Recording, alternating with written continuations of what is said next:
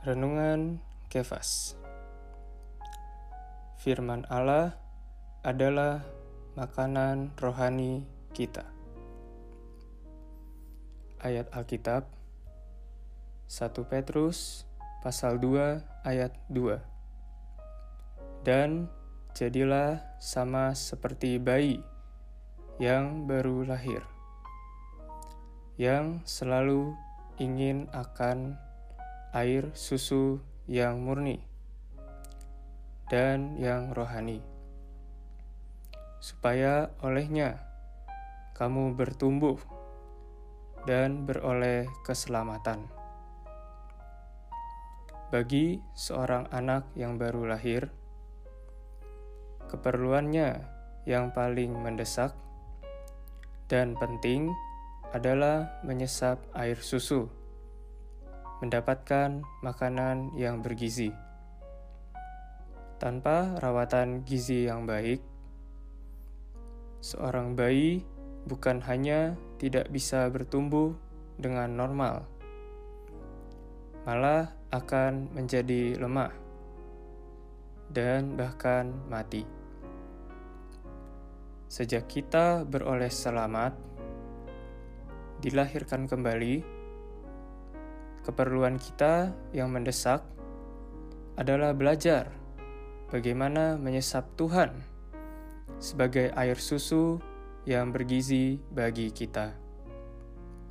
Tanpa gizi rohani sedemikian, kita tidak bisa bertumbuh dengan wajar, dan tak lama kemudian bisa jatuh ke dalam kematian rohani.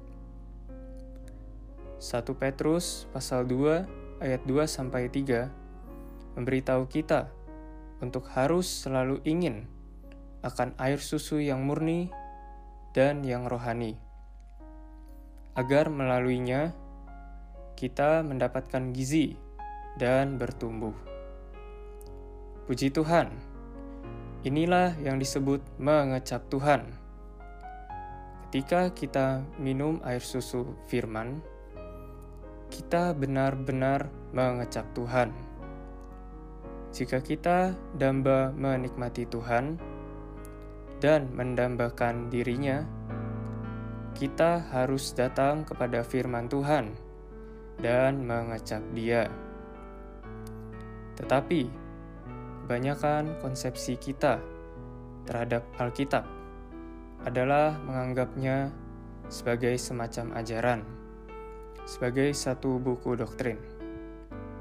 Dalam sepanjang kehidupan Kristiani kita, ada berapa banyak firman yang telah kita makan sehingga menjadi makanan rohani kita?